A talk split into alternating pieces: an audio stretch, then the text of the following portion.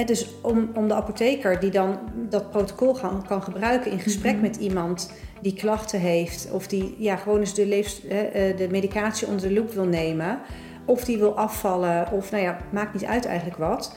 Om eens te kijken van, kunnen we dan jou op de een of andere manier helpen Ja. om eh, met minder medicatie je toch fitter te voelen, dat je makkelijker kan afvallen, dat je beter gaat slapen. En Mhm. want slecht slapen kan ook ehm, gewichtsverhoging Ja, geven. tuurlijk. En het een werkt natuurlijk weer door in Ja, het ander. dus die insulineresistentie die je dan eh, in de hand werkt. Leuk dat je luistert naar de Healthy You, Happy You podcast. Ik ben Noor, koolhydraatarm diëtist, voedingswetenschapper en oprichter van leefstijlpraktijk The Nourishing State. Met mijn podcast neem ik je mee in de wondere wereld van koolhydraatarme voeding en een gezonde leefstijl.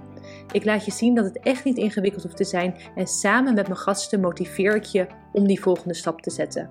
Stap voor stap naar een gezonde leefstijl waar jij blij van wordt. Hoi Ellen, leuk dat je er weer bent. We hebben eerder een podcast opgenomen over jouw verhaal en zeker ook de combinatie leefstijl bij de apotheek. Deze podcast willen we het specifiek gaan hebben over de leefstijlapothekers, want dat heb je opgericht. Hoe, Ja. Vertel, neem is ons dat mee. gegaan? Ja.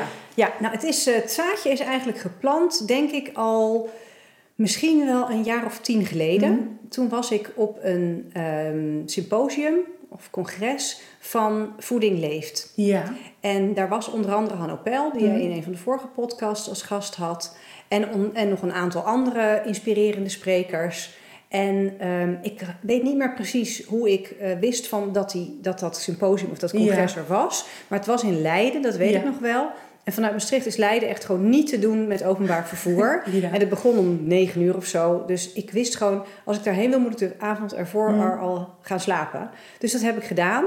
En eh, dus ik ben vol verwachting naar, die, eh, Ja. naar dat congres gegaan, het Voeding Leeft congres.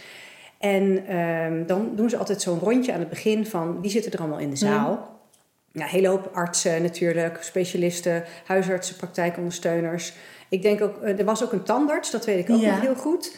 En ik was daar samen met één andere apotheker, Oh. met Rinske Pauw. Ja. Ja. En die kende ik eh, van de studie. En eh, zij is wat jonger dan ik, maar wij, ja, wij ontdekten dus van wij zijn allebei dus geïnteresseerd in Ja. voeding. Toen was het, de, het accent nog ook heel erg op voeding. Mm. En eh, toen heb ik met, eh, op dat congres met Martijn van Beek gesproken, de Ja. oprichter van Voeding Leeft. En toen heb ik gezegd van, goh, weet je, de apotheek is eigenlijk ook een hele mooie plek om voorlichting te geven over voeding en leefstijl. En hij was natuurlijk toen vol in eh, de oprichting van Keer Diabetes 2 om. Oh ja. Toen hebben ja. we nog gespart en nagedacht over... ehm, kan de apotheek dan de plek zijn waar mensen een, een eh, leenmeter gaan ophalen met Ja. teststrips? En, maar uiteindelijk is daar niet zoveel uitgekomen, Mhm. maar we hebben wel altijd contact gehouden. En toen heb ik ook met Rinske afgesproken van nou, volgend jaar gaan we weer naar ditzelfde Ja. congres. En dan zorgen we dat we met dubbel zoveel mensen Ja, zijn. Dat die olievlek lekker begint te spreiden. Dus toen waren we inderdaad het jaar daarna niet met vier, maar met vijf. Ja. Ik geloof dat het toen in Rotterdam was, weet ik niet meer zeker. En ehm, het jaar daarna met 13. Oh, wat en goed. ehm, toen wa- was het nog niet een samenhangend geheel. Maar Ja. toen waren er in ieder geval een aantal apothekers die zoiets hadden van... nou, leefstijl is eigenlijk gewoon een hele... Ja, iets waar we ook als apothekers mee aan de slag moeten. Ja, mensen ja. associëren ons natuurlijk alleen maar met dat doosje schuiven. En nou, als je geluk hebt, een beetje informatie. Maar ja, hoe logisch is het om de apotheek ook als een soort loket te gebruiken Ja. voor leefstijladvies? En toen hebben we in 2019 zijn we samengekomen ehm, bij ehm, inmiddels was Voeding Leeft veranderd in, of Uitvoeding Leeft is de Vereniging Arts en Voeding ontstaan. Ja. Ja. Inmiddels heet dat Vereniging Arts en Leefstijl. Mhm. En Annemargreet Krijger, ook een apotheker die eh, heel veel onderzoek doet naar diabetes, Mhm. die had contact met Vereniging Arts en Leefstijl. En die hebben Ja. ons uitgenodigd om met een clubje apothekers in Utrecht hier eh, in de jaarbeurs samen te komen om eens te sparren van wat kunnen we samen Mhm. doen? Wat kunnen Ja. apothekers met Vereniging Arts en Leefstijl en andersom? En toen is eigenlijk, zijn de leefstijlapothekers, ja, toen is dat, die beweging ontstaan. En ehm, we hebben met ehm, vijf mensen uiteindelijk, ja, we noemen ons de aanvoerders, Ja. zijn wij dus aan de slag gegaan met wat gaan we nou, wat gaan we doen? Mhm. Wat vinden wij belangrijk? Toen zijn we nog een keer samengekomen in de jaarbeurs. Ehm, toen waren we inmiddels met, ik denk, twintig Ja. apothekers. En toen heeft Rogier Larik, een collega van mij, die ehm, inmiddels ook niet meer als openbaar apotheker werkzaam was, maar wel binnen een keten van apotheken. Ja. En toen is hij daar uiteindelijk weggegaan en toen had hij zoiets van nu moet ik iets anders. Toen heeft hij de opleiding tot leefstijlapotheker opgericht. Dus een Oh. zesdaagse opleiding, speciaal goed. voor apothekers, Ja. geaccrediteerd ook. Hè? Dus Oh. Ehm, met, waar je dus ook eh, ja, je nascholingspunten mee Ja, kunt eh, krijgen. En hij heeft eh, op die zes dagen hele inspirerende sprekers weten om zich te, te verzamelen. En hij heeft volgens mij nu ieder jaar eh, vier groepen verspreid Ja. over het land van ongeveer twintig apothekers. Oh, wat goed. Dus die, Die- olievlek die gaat wel lekker door. Ja, dus Ja. in 2019 waren we nog volgens mij met zeg maar 12 en vlak daarna met 20. Misschien was het 2018 hoor, weet ik niet helemaal. Ja. En inmiddels zijn we dus met bijna 275. Wauw. Ja, dus is echt Ja, oh wat goed. heel erg groot geworden. Ja. En ehm Maar dat zijn dus allemaal apothekers die actief bezig zijn met leefstijl. Toch gaan allemaal daar- apothekers die actief bezig zijn met een vorm van leefstijl. Ja. Eh, niet iedereen is openbaar apotheker. Ik denk wel zeker drie kwart. Ja. Maar er zitten ook wat apothekers bij die, ehm, ja, net als ik, ehm, zelfstandig werkend Ja. zijn. En bijvoorbeeld meer een adviesfunctie hebben Mhm. of meer een docent zijn. En, eh, maar het, ik denk dat de meeste toch openbaar apothekers zijn. En allemaal zoeken van hoe kunnen we nu het leefstijlverhaal binnen de apotheek integreren. Mhm. Zodat we onze patiënten kunnen helpen. En enerzijds dus om te zorgen dat ze met leefstijl ehm, minder medicatie nodig Ja. hebben. Dus op, eigenlijk ook aan het begin van therapie, hè, bijvoorbeeld diabetesmedicatie of eh hoge bloeddrukmedicatie, al meteen informatie te geven over eh, wat mensen kunnen doen om Ja. die bloeddruk zelf naar beneden te krijgen. Ja.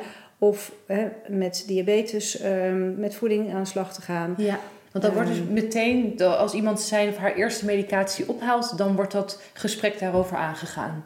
Idealiter wel. Ja. Dat gebeurt nog niet in iedere apotheek natuurlijk.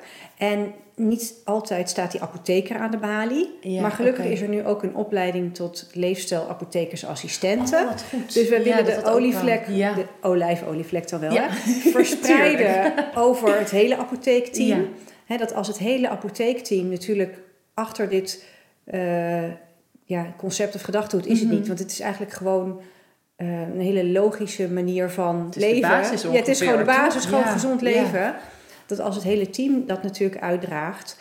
En patiënten weten, patiënten weten op een gegeven moment dat ze bij een apotheek terecht kunnen voor advies over hun gezondheid. Mhm. Maar dat ook bijvoorbeeld die apotheker weet in de wijk van goh, als jij meer gaan, wil gaan bewegen, dan zou je eens met die en die moeten Ja. contact opnemen. Ja. Of als je, er is een kookclubje wat speciaal is voor mensen met diabetes. En daar eh, leer je om ehm koolhydraatbeperkt te koken. Mhm.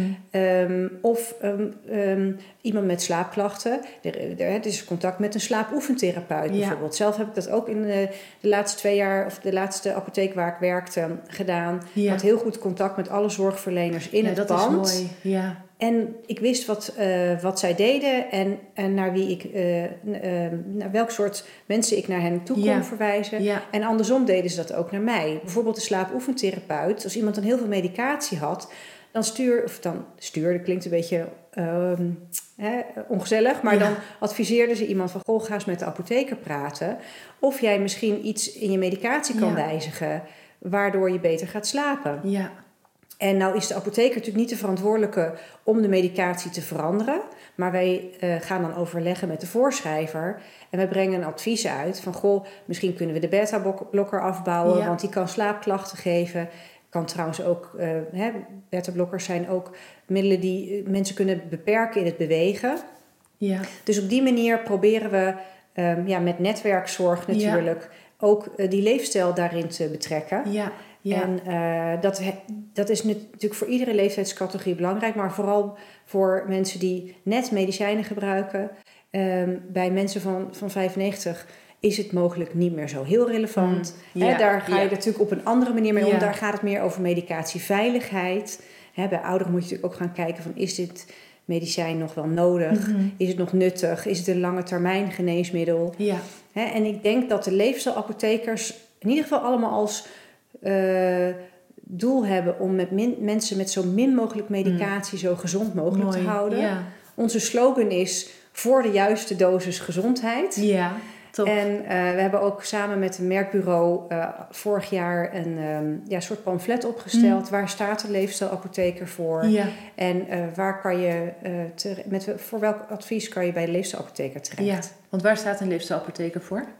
Nou, wat ik al zei, voor zo min mogelijk medicatie. Ja. Um, in een zo goede mogelijke, goed mogelijke gezondheid. Ja. En wij zijn ook bezig met het ontwikkelen van um, ja, uh, manieren waar, waarin we dit ook uh, kunnen uh, aanbieden voor meer apothekers. We Ja. hebben bijvoorbeeld een, een soort van protocol ontwikkeld. Mhm. Dat noemen we het GLIM-protocol. Ja. En dat is eigenlijk een, ver- een soort van extra aspect bovenop de GLI. Ah. GLI staat Ja. voor gecombineerde leefstijlinterventie. En Lisbeth van Rossum, dat is toevallig een vriendin van mij van de middelbare school. Ja. Dat is niet toevallig natuurlijk, maar dat is zo. En eh, zij heeft tijdens haar oratie gezegd van... we moeten eigenlijk bij mensen met overgewicht en obesitas... meer naar hun medicatie gaan Ja. kijken. Want er is heel veel medicatie die mogelijk afvallen belemmert... of bewegen beperkt. En ehm, we, moeten daar, we, moeten daar, eh, we moeten daar wat mee. Mhm. En toen eh, dacht ik, nou, die handschoen ga ik oppakken. Ja. En toen hebben we binnen onze leefstijlapothekers een werkgroep gevormd... En toen hebben we, heb ik aan Lisbeth eh, literatuur gevraagd. Mhm. Van, goh, hè, waar moeten we dan aan denken? Ja. En toen heeft ze mij van alles opgestuurd. En toen was er één apotheker, die had een hele actieve, leuke stagiaire. Ja. Apotheker in opleiding. En zij hebben samen een, een soort van protocol opgesteld. om eh, ja, te rubriceren eigenlijk Ja. van welke medicatie werkt gewichtsverhogend. Welke medicatie heeft dat niet in diezelfde groep. Eh, welke medicatie kan het bewegen beperken. En natuurlijk eh, is het niet tot eh, eh, die twee categorieën beperkt. Maar het Mhm. gaat ook bijvoorbeeld over als mensen de slaapmedicatie Ja. gebruiken. Die vaak helemaal niet zo fantastisch werkt. Mm. Eh, dat is natuurlijk ook maar een soort van labmiddel. waarmee je je slaapkwaliteit eigenlijk Ja. verlaagt. waardoor je overdag nog steeds moe bent. Enerzijds van de bijwerkingen van die middelen. En anderzijds gewoon omdat je slaapkwaliteit niet, niet goed is. En dus om, om de apotheker die dan dat protocol gaan, kan gebruiken in gesprek Mhm. met iemand die klachten heeft, of die ja, gewoon eens de, leefst, eh, de medicatie onder de loep wil nemen, of die wil afvallen, of nou ja, maakt niet uit eigenlijk wat. Om eens te kijken van, kunnen we dan jou op de een of andere manier helpen Ja. om eh, met minder medicatie je toch fitter te voelen, dat je makkelijker kan afvallen, dat je beter gaat slapen. Hè, Mhm. want slecht slapen kan ook ehm, gewichtsverhoging Ja, geven. tuurlijk. En het een werkt natuurlijk weer door in ja, het ander. dus die insulineresistentie die je dan eh, in de hand werkt. Ja. Dus dat hebben we eh, ontwikkeld en daar is echt heel veel vraag naar. ja, ik kan me voorstellen. En ik wilde het eigenlijk toen we het ontwikkelden eh, pas ehm ehm, oud in die open brengen. Hmm. Op het moment dat de richtlijn obesitas en overgewicht Ja. van het partnerschap Overgewicht Nederland het definitief was, een nieuwe versie er was. Maar die richtlijn die is, eh, moet door zoveel, is door zoveel partijen Hmm. moet die onder de loep genomen worden dat dat. ehm, nou, dat komt hopelijk eh, ergens komend kwartaal eh, komt dat uit. En daar staat ook een tabel in met die medicatie Hmm. die, ehm, ja, die in, van invloed is op gewicht. Ja. Dus ik wil tegen de tijd dat het uitkomt ook wel onze protocol naast die tabel leggen. Dat Ja. in ieder geval wel hetzelfde vertellen. En, Ja, en dezelfde, eenduidig dat we het eens zijn over Ja. eh, welke medicatie is nou niet wenselijk Ja. en welke kan je daar dan wel voor inzetten. En in, het, eh, in de richtlijn staat natuurlijk ook de medicatie die nu wordt voorgeschreven om echt af te vallen. Dat is Hm. Ja. natuurlijk ook weer een heel hoofdstuk apart. Ja. Ja. Wat dat vind mensen- je daarvan? Ja, ik vind het. Ik denk dat het voor sommige mensen echt heel nuttig kan zijn. Maar ik denk ook dat eh, mensen het te veel als een quick win zien. Ja. Je kan niet ja. met eh, eh, één spuitje per dag of per week ehm, en dan verder gewoon niks aan je leefstijl doen. Kan, dat, dat is niet een duurzame oplossing voor, ge- voor een te hoog gewicht. Aan de andere kant zijn er wel ook mensen, en dat is ook Liesbeth haar boodschap altijd, die bijvoorbeeld een genetische afwijking hebben, hè, waar, waar- waardoor hun verzadigingshormoon niet Ja. goed functioneert, of waarbij er sprake is van andere hormonale problemen bijvoorbeeld. En voor die mensen kan het heel nuttig zijn om onder begeleiding dus met, met zulke medicatie te beginnen. Er zijn eh, allerlei medicijnen die er ook nog aankomen op dat gebied. Hm. Ehm, maar dan heb je het over hele specifieke eh, omstandigheden. Ja. Ja. En dan moet er ook echt goed begeleid worden. Ja. En ehm, we hebben natuurlijk afgelopen jaar, eh, vorig jaar kwam die medicatie Mm. Ehm, beschikbaar in het basispakket. Eh, en toen was er een enorme run op medicatie om af te vallen. Mhm. En toen hebben de meeste zorgverzekeraars binnen no time gezegd: Oké, wacht even, dit gaat niet goed, dit, dit wordt te duur. We gaan, eh, we gaan er voorwaarden aan stellen. Ja. Dus nu moeten, eh, is het pas zo dat je na, als je een jaar aan een gecombineerde leefstijlinterventie hebt Ah, meegedaan, Dat is de eis. dan mag je Oh, gaan beginnen met. En, en die onsuccesvol is. Hè? Dus Ja. als je echt al ehm, flink met je leefstijl aan de slag bent gegaan en met gedragsverandering en het haalt niks uit, dan kom je in aanmerking voor medicatie. Mhm. Waarbij het dan ook weer zo is dat als je dat een aantal maanden gebruikt en doet alsnog niks, Ja. dat je dan ook weer moet stoppen. Ja. Want dan is het gewoon net niet het aangrijpingspunt wat bij jou werkt. Dus ehm, daar moeten we als apothekers en als voorschrijvers, hè, de huisarts en de Mhm. internist, wel ook goed eh, op monitoren. Ja. En daarnaast is het belangrijk om mensen hun verwachtingen bij te stellen. Want dit zijn geen medicijnen waarbij je binnen no time eh 30 kilo afvalt. Je mag blij zijn als je er gewoon een paar kilo van afvalt Mhm. en als je er niet van aankomt. En dat is natuurlijk ook heel belangrijk. Ehm, maar er zijn natuurlijk succesverhalen van mensen die daar wel heel veel van Ja. afvallen. Dus mensen hebben soms dan enorme hoop dat dat ook voor hen geldt. Ja. Eh, maar iedereen is anders. Ja. Dus je kan jezelf niet vergelijken met iemand die dan wel 15 kilo ervan afvalt binnen twee maanden. Eh, het- en bij jou haalt het niks uit. Nee.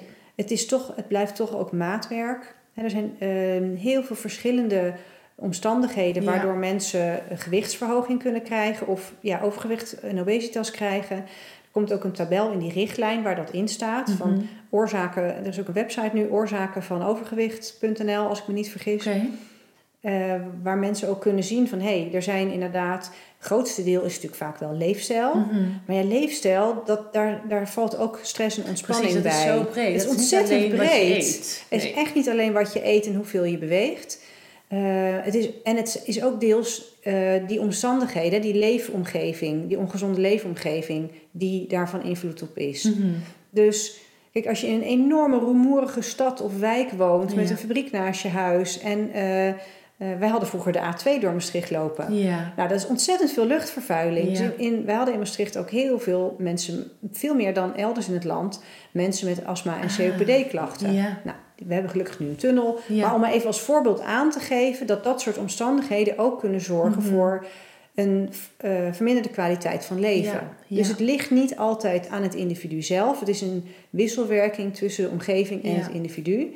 En ehm, ja, als we ons daar allemaal wat meer bewust van Mhm. zijn, dan kunnen we daar ook aan, aan wat knopjes gaan draaien. Om Ja. te kijken of we daar mensen een betere kwaliteit van leven mee Ja. kunnen krijgen. En er staat, ontstaat denk ik op die manier ook meer begrip. Enerzijds vanuit de zorgverlener, anderzijds ook vanuit de accent eh, naar zichzelf toe. Ja. Ga hem gebruiken. Dit, Ja, is, dit is een ja. goeie.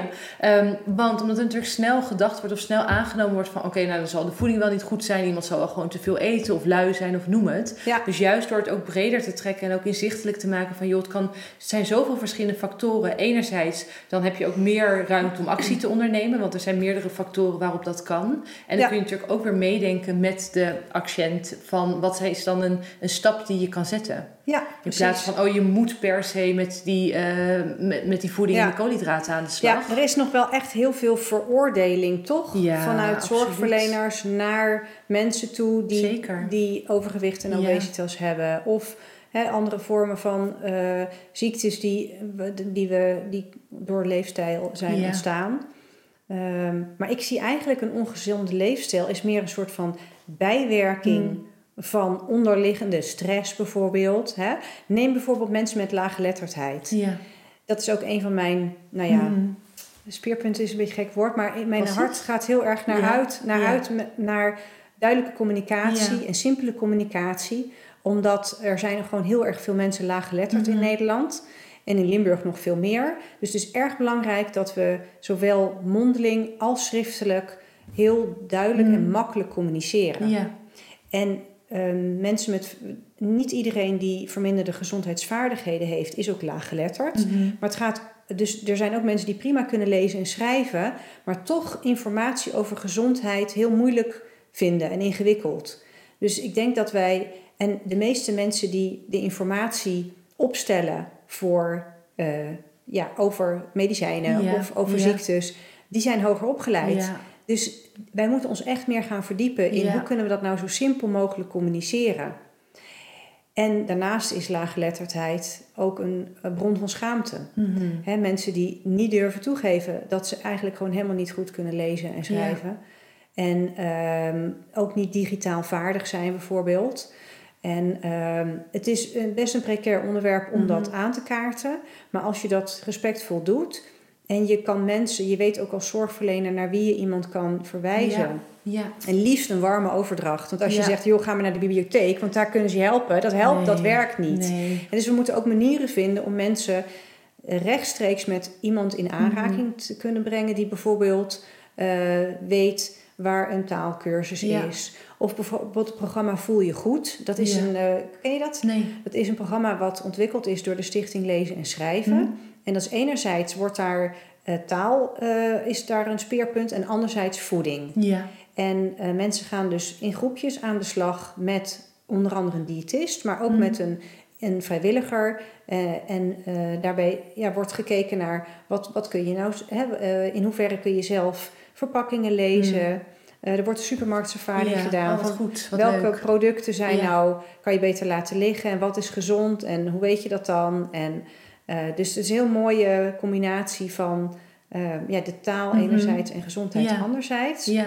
En gelukkig komt die op steeds meer plekken in Nederland eh, beschikbaar. En het is een soort pre-gli Ja. voor mensen met ehm, verminderde gezondheidsvaardigheden en Hmm. laaggeletterdheid. En ehm, ja, ik vind dat wel een hele belangrijk iets om ook eh, aandacht voor te Ja. Dat we ons realiseren dat sommige mensen de informatie gewoon niet begrijpen. Kijk, dat we, het, dat we mensen van een, eh, die niet de Nederlandse taal spreken, dat die het lastig vinden, dat realiseren we ons wel. Mhm. Dan blijft het nog steeds lastig om de goede informatie bij Ja. die mensen te krijgen. Dan moet je al aan de slag met tolken of zo. eh, of met eh, Google Translate. Maar hè, er zijn ook heel veel gewone mensen die wel een Nederlandse achtergrond hebben en de informatie niet goed begrijpen. Ja. En dat is, eh, ja, ik denk soms ook wel eens, ook de apotheek kan daarin een rol spelen. Mhm. Want mensen die eh, zijn soms ook zorgmeiders, maar slikken toch vaak wel medicijnen. Al is het maar tegen de stress of een antidepressivum. En als wij dus in de apotheek ook al mensen kunnen wijzen van... goh, vindt u het misschien lastig ehm, eh, om de bijsluiter te lezen... dan ga ik voor u een, een eh, bijsluiter printen die wat makkelijker is. Want die zijn er Die wel. zijn er wel. Oh, Ze zijn er mondjesmaat, maar ze zijn Ja. er wel. Hmm. En ehm, zullen we samen even de bijsluiter doorlezen... en eh, op die manier meer ehm, eigenlijk ook ontspanning bij zo Ja. iemand eh, laten ontstaan. Ja. Van poef, ik word begrepen en er is eindelijk iemand die het snapt. En Ja. dan ontstaat een soort van veilige situatie waarin mensen misschien kunnen, om hulp kunnen vragen. En eigenlijk moet ik hier iets mee. Ja, ja, en dat Ja. die schaamte er ook wat vanaf Ja, gaat. Precies. Dus VAROS biedt ook bijvoorbeeld voor eh, zorgprofessionals, voor teams, Ja. eh, scholingen aan en trainingen. Van hoe kan je dat nu het beste Hmm. bespreekbaar maken? Ja, wat ja, goed. Dat is, dat is best wel lastig. Ja, ja. Ja. En je zei al over de, ehm, de medicatie, dat er veel vraag is ook om te kijken van oké, welke medicatie kan nou effect hebben op het gewicht, op beweging, slaap mogelijk. Ja. Wat is een beetje de, eh, met welke lijst of met welke medicatie moeten we rekening houden? Als Ja. er nu mensen luisteren en denken van, nou ja, mijn medicatiekastje pelt uit. Ja. Hoe, Nou, ten eerste wil ik erbij zeggen dat als je medicatie slikt die ik zo ga noemen... En je denkt, ja, ik heb ook overgewicht... ga daar niet acuut mee stoppen. Nee, nee. Want je slikt het niet voor niks. En ga altijd in overleg met je voorschrijver van... Ja. is het voor mij mogelijk om dit af te bouwen... en hoe kan ik dat het beste doen? ja, maar ga je dan, want je zei voorschrijver, is dat dan huisarts of apotheker? Nee, een apotheker schrijft niet voor. Nee. Er zijn wel landen waar apothekers voorschrijven, maar het gaat om de behandelaar, de hoofdbehandelaar. Dus als het, eh, nou, ik heb het dan bijvoorbeeld over antipsychotica. Ja. Eh, in hoge doseringen wordt dat door mensen met psychiatrische problemen gebruikt. Dus dan is de psychiater vaak de hoofdbehandelaar. Maar eh, ook in lage doseringen worden antipsychotica wel gebruikt voor slaapklachten. Hmm. Daar kan je natuurlijk wel alternatieven voor bedenken. Ja. Hè, en dan kan je in ieder geval met de apotheker bijvoorbeeld in gesprek van zou dit eh, middel bij kunnen dragen aan mijn gewichtstoename? Ja. En als dat dan zo is, dan, dan kunnen wij of de, de patiënt zelf met de voorschrijver gaan overleggen voor een alternatief. Ja. We hebben het dan ook over antidepressiva. Mhm. Bepaalde groepen of bepaalde soorten antidepressiva hebben dat meer dan andere. Eh, antidepressiva afbouwen is iets heel erg lastigs. Ja. Eh, sommige mensen kunnen daar vrij snel met een standaard schemaatje vanaf komen, eh, als ze dat al zouden willen. Bij anderen gaat dat echt heel erg lastig. Dus Ja. ga dat ook zeker niet eh, zelf eh, zonder begeleiding doen. Nee, want de antidepressiva is inderdaad een vraag die vaak voorbij komt. Van joh, Ja. ik slik antidepressiva, kan ik dan überhaupt wel afvallen? Mijn ervaring is van wel in de praktijk. Hoe is dat bij jou? Kijk, tuurlijk, het, het is lastiger. Ja. Maar het, er, er is in veel gevallen nog wel wat mogelijk. Ik denk dat er altijd mogelijkheden zijn. Maar dat het tempo, eh, dat Ja. het heel belangrijk is dat degene, de medicijngebruiker zelf het tempo bepaalt. Hmm. Want er zijn heel veel schema's waarbij ze zeggen van nou dan doe je twee weken de half dosering en dan nog twee weken een kwart. En, maar zo simpel werkt het niet. Want Mm. ieder lichaam is anders, ieder lichaam reageert anders. Dus het je moet heel erg op gevoel gaan Ja. eh, aanvoelen van oké, ik denk dat ik nu klaar ben voor de volgende afbouwstap. En dat je dat goed, eh, dat je je goed laat begeleiden Ja. door een apotheker die dan samen met jou gaat kijken, oké, wat is dan die volgende stap? En met de hoofdbehandelaar Mhm. die dan eh, met jou afstemt van hoe voel je nu en gaat het goed? En ehm, moeten we even eh, tijdelijk een afbouwpauze inlassen?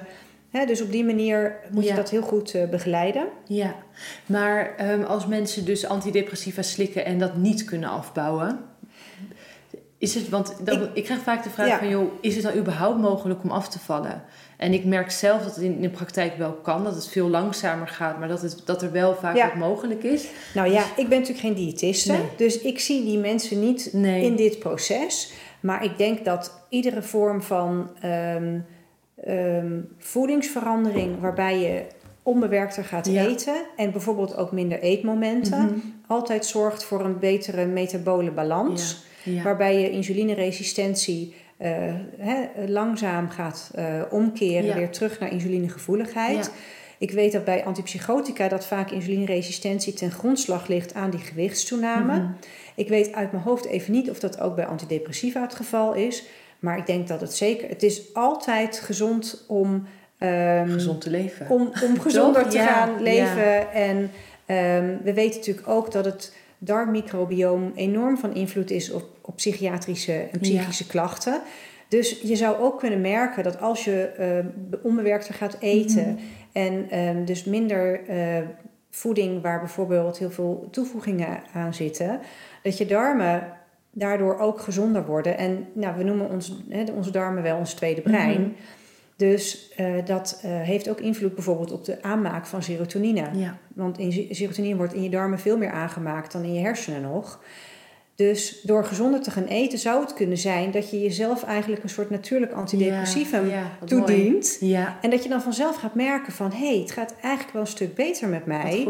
Volgens mij ben ik toe aan afbouwen. Dus misschien is het verstandiger om niet eerst te gaan afbouwen, maar eerst gewoon een tijdje ja, wat mooi. gezonder te gaan eten. Hè, eventueel met onder begeleiding van een Mhm. goede diëtist. Eh, ik zeg het een beetje naar een goede diëtist. Alsof Nou, er ook slechte ik- diëtisten ja, zijn. Maar, maar er zijn ook heel veel diëtisten die nog... Ja, een beetje de oude, van de oude stempel. Ja, die in eens. mijn optiek eh, nog werken met... als je wil afvallen moet je maar wat meer brood eten. Zes keer En per dag graag. daar Mm. geloof ik gewoon niet nee, in. Nee, eens. Ja. Ehm, dus eh, onder begeleiding van iemand die, daar, eh, die begrijpt hoe het zit... Mm. Dus met goede voeding aan de slag. En dan is de volgende stap mogelijk Ja. de afbouw van medicatie. Ja. En uh, wat heel belangrijk is, is dat een patiënt of ook een behandelaar dan aan de apotheek doorgeeft dat een middel is afgebouwd of misschien Ja. zelfs gestopt. Ja. Want wij krijgen dat vaak niet te horen. Mm. En het is voor ons wel belangrijk, omdat wij ook uh, de medicatieveiligheid in de gaten moeten Ja. houden. En bijvoorbeeld heel vaak van, ik noem maar wat, een ziekenhuis de vraag krijgen als iemand een opname heeft voor een nieuwe knie of een nieuwe heup Mhm. of whatever. Van wat is het actueel medicatieoverzicht? Ah, ja. Nou, dan gaan wij dat keurig doorgeven aan het ziekenhuis. Dan staat dat antidepressivum er nog op. Ja. Dan gaat, komt iemand in het ziekenhuis en die ehm, eh, krijgt dan eh, na de operatie doodleuk dat antidepressivum weer, want het stond op het Oh, lijstje. oh ja, Dat moeten we tuurlijk. natuurlijk niet hebben. Dus het is echt heel belangrijk. Ja. Natuurlijk hoop je dan dat een, eh, iemand, hè, de patiënt zelf, dat in de gaten heeft. Maar als je dat gewoon in, in, hè, van, de, van de verpleegkundige toege, eh, in je hand krijgt, oh, dat ehm. Nee. dan, ja, dan, dan wordt het een, eh, Hmm. een beetje ingewikkeld verhaal als dan zo'n medica- zo'n medicijn weer herstart wordt. Ja. Dus eh, ja, de apotheek moet wel ook echt betrokken worden Ja. bij dit soort processen. Ja. Dat vind ik heel belangrijk om dat eh, te vermelden. Wordt dat nu te weinig gedaan? Ik denk dat het wel eens vergeten wordt. Ja, een beetje Calimero. Apothekers worden vaak vergeten Ja. in, eh, om meegenomen te worden in, in processen. Mm. Maar ik denk dat wij eh, heel veel ehm, ku- kunnen betekenen, ook ter ondersteuning van andere zorgverleners. Ja. Natuurlijk ook ter ondersteuning van de patiënt, maar ook ter ondersteuning van Mm. andere zorgverleners. Eh, En dat, ja, die rol willen we graag op Ja. ons nemen. Natuurlijk zitten we nu in een fase waarin we het waarin we een beetje overspoeld worden met geneesmiddelen. Of ja, overspoeld, eigenlijk juist niet. We hebben heel veel geneesmiddelen tekorten. Ja. We hebben ook personeelstekort. Ja. Eh, dat moeten we ook niet blijven benadrukken. Want hè, alles wat je, alles wat je, Wat je aandacht geeft, groeit. Ja. Dus als wij alleen maar roepen over dat er tekorten zijn, dan, dan, dan, houden we ze in stand. Ja. Maar we hebben wel wat uitdagingen op dat gebied. Ehm, maar wij willen wel die, die rol innemen. Mhm. Zeker de leefstijlapothekers. Ja. Eh, we, we zien ook dat de leefstijlapothekers die de opleiding hebben gedaan... heel geïnspireerd zijn om op een andere manier naar hun vak te gaan kijken. Ja. Hè? Hè, dus meer medicatie-afbouw. Medicatie als het moet en, ehm, Ja. en, en eh, als het niet meer hoeft, dan liever afbouwen. En als wij met onze apotheekteams meer geïnspireerd zijn... Hè, en daarin onze assistentes mee kunnen Mhm. nemen en apotheekmedewerkers... desnoods ook de bezorgers... Ja. Ehm, dan, dan voelt die patiënt ook van... hé, hey, ik, kan hier terecht met mijn vragen. Ja. Dan wordt ons vak leuker. Ja. En dat horen we ook wel terug van artsen... die zelf met leefstijl in Mhm. de spreekkamer aan de slag gaan.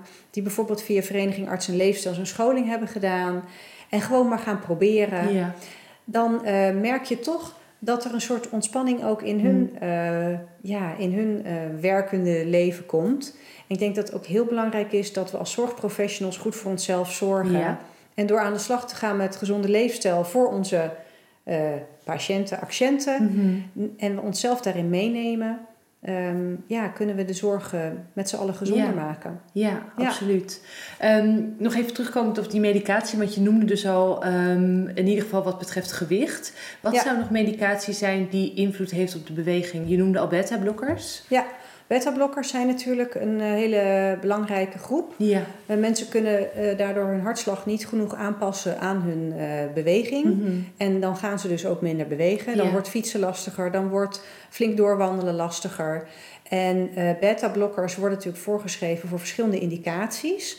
Onder andere voor hoge bloeddruk, eh, voor ritmestoornissen, voor mensen die een hartinfarct hebben gehad. Maar bijvoorbeeld voor mensen die een hartinfarct hebben gehad, als dat, een, als dat langer dan twee jaar geleden is, Ja. Dan eh, schijnt het zo te zijn. Don't try this at home zelf, hè, altijd Ja. ook in overleg. Eh, dan is het mogelijk om die, ehm, om die beta-blokker weer af te bouwen. Mm. Dus eh, dat is een mogelijkheid Ja. om dat eens te bespreken met de cardioloog of met, Ja. met, de, met de huisarts. Van kunnen we eens kijken als je naar een halve, halve dosis gaat, of dat bewegen dan alweer makkelijker Ja. wordt. En natuurlijk onder controle van de bloeddruk en het hartritme. Maar dat is een optie. Mhm. Eh, daarnaast is het natuurlijk zo dat pijnstillers Ja. zijn niet zozeer zelf betrokken bij ehm, bewegingsbeperking, Mhm. maar geven natuurlijk wel aan dat mensen klachten hebben, Ja, vaak artrose of andere ont- eh, of ontstekingen, waardoor ze ook niet gaan bewegen. En artroseachtige klachten en reumatische klachten, daarvan is inmiddels ook, eh, wordt steeds meer bekend dat als je met eh gezondere leefstijl Mhm. en met koolhydraatbeperking en meer groente, Ja. eh, wel goed letten op voldoende eiwitinname, Ja, dat daar ook verbetering in die pijnklachten kan komen. En dan kan je natuurlijk ook weer makkelijker bewegen. Ja. Hè, Ja. Dus dan werkt het weer via een andere weg. Statines zijn natuurlijk Mm. ook een, hè, de cholesterolverlagers, een grote groep waarbij mensen toch last kunnen krijgen van spierpijn. Ja. En mijn advies is altijd, doe een proefstop van ongeveer een week of vijf, zes. Ja. Ga kijken wat dat doet met je klachten. Ja. Eigenlijk is bij bijna iedereen een proefstop veilig. Ja. Check het even bij, hè, bij je behandelaar. Mhm. Maar als je een week of vijf stopt en je gaat een dagboekje bijhouden van je klachten. Eh, en het gaat een stuk beter na die vijf weken, vijf, zes weken. Overleg dan ook met de behandelaar van wat levert die statine mij eigenlijk op. Ja. Over statines kunnen we ook heel Ja. lang, eh, heel lang praten. dat- Gaan we, niet, ja, gaan we nee. niet doen. Ehm, wat levert het mij Ja. op eh, als, ik, als, ik er, als ik ermee doorga? Wat Mhm. levert het op als ik stop? Ehm, en ehm, ja, als het gewoon heel veel vermindering van klachten geeft en het is maar een paar procent verschil in Ja. bijvoorbeeld levensverwachting, zou ik zeggen.